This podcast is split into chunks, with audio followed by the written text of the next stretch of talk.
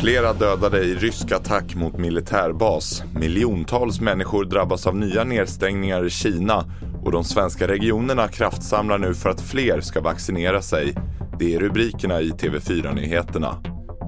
Nio människor dödades och 50 skadades då en militärbas utanför Lviv i nordvästra Ukraina attackerades av ryska robotar tidigt i morse. Det uppger regionens guvernör.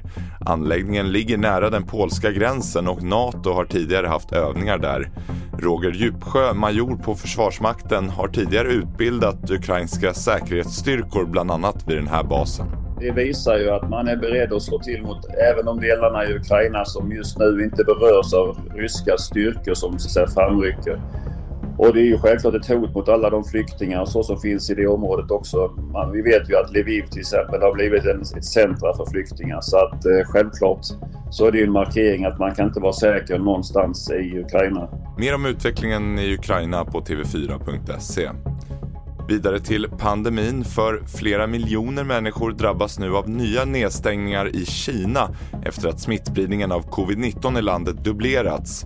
Dagens siffror är de högsta för ett dygn sedan i februari 2020 och det är coronavarianterna omikron och delta som dominerar i landet. Bland annat har skolorna i Shanghai stängts ner. Och här hemma har viljan att vaccinera sig mot covid-19 minskat i samband med att restriktionerna tagits bort. Var femte person mellan 18 och 39 år är fortfarande helt ovaccinerade och nu kommande veckan kraftsamlar regionerna för att få fler att kavla upp ärmen.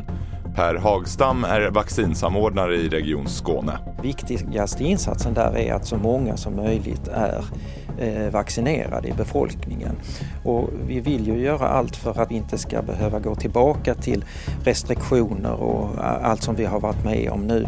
Om det skulle visa sig att den här sjukdomen kommer tillbaka igen. Och det får avsluta TV4-nyheterna. Fler nyheter på tv4.se. Jag heter William Grönlund.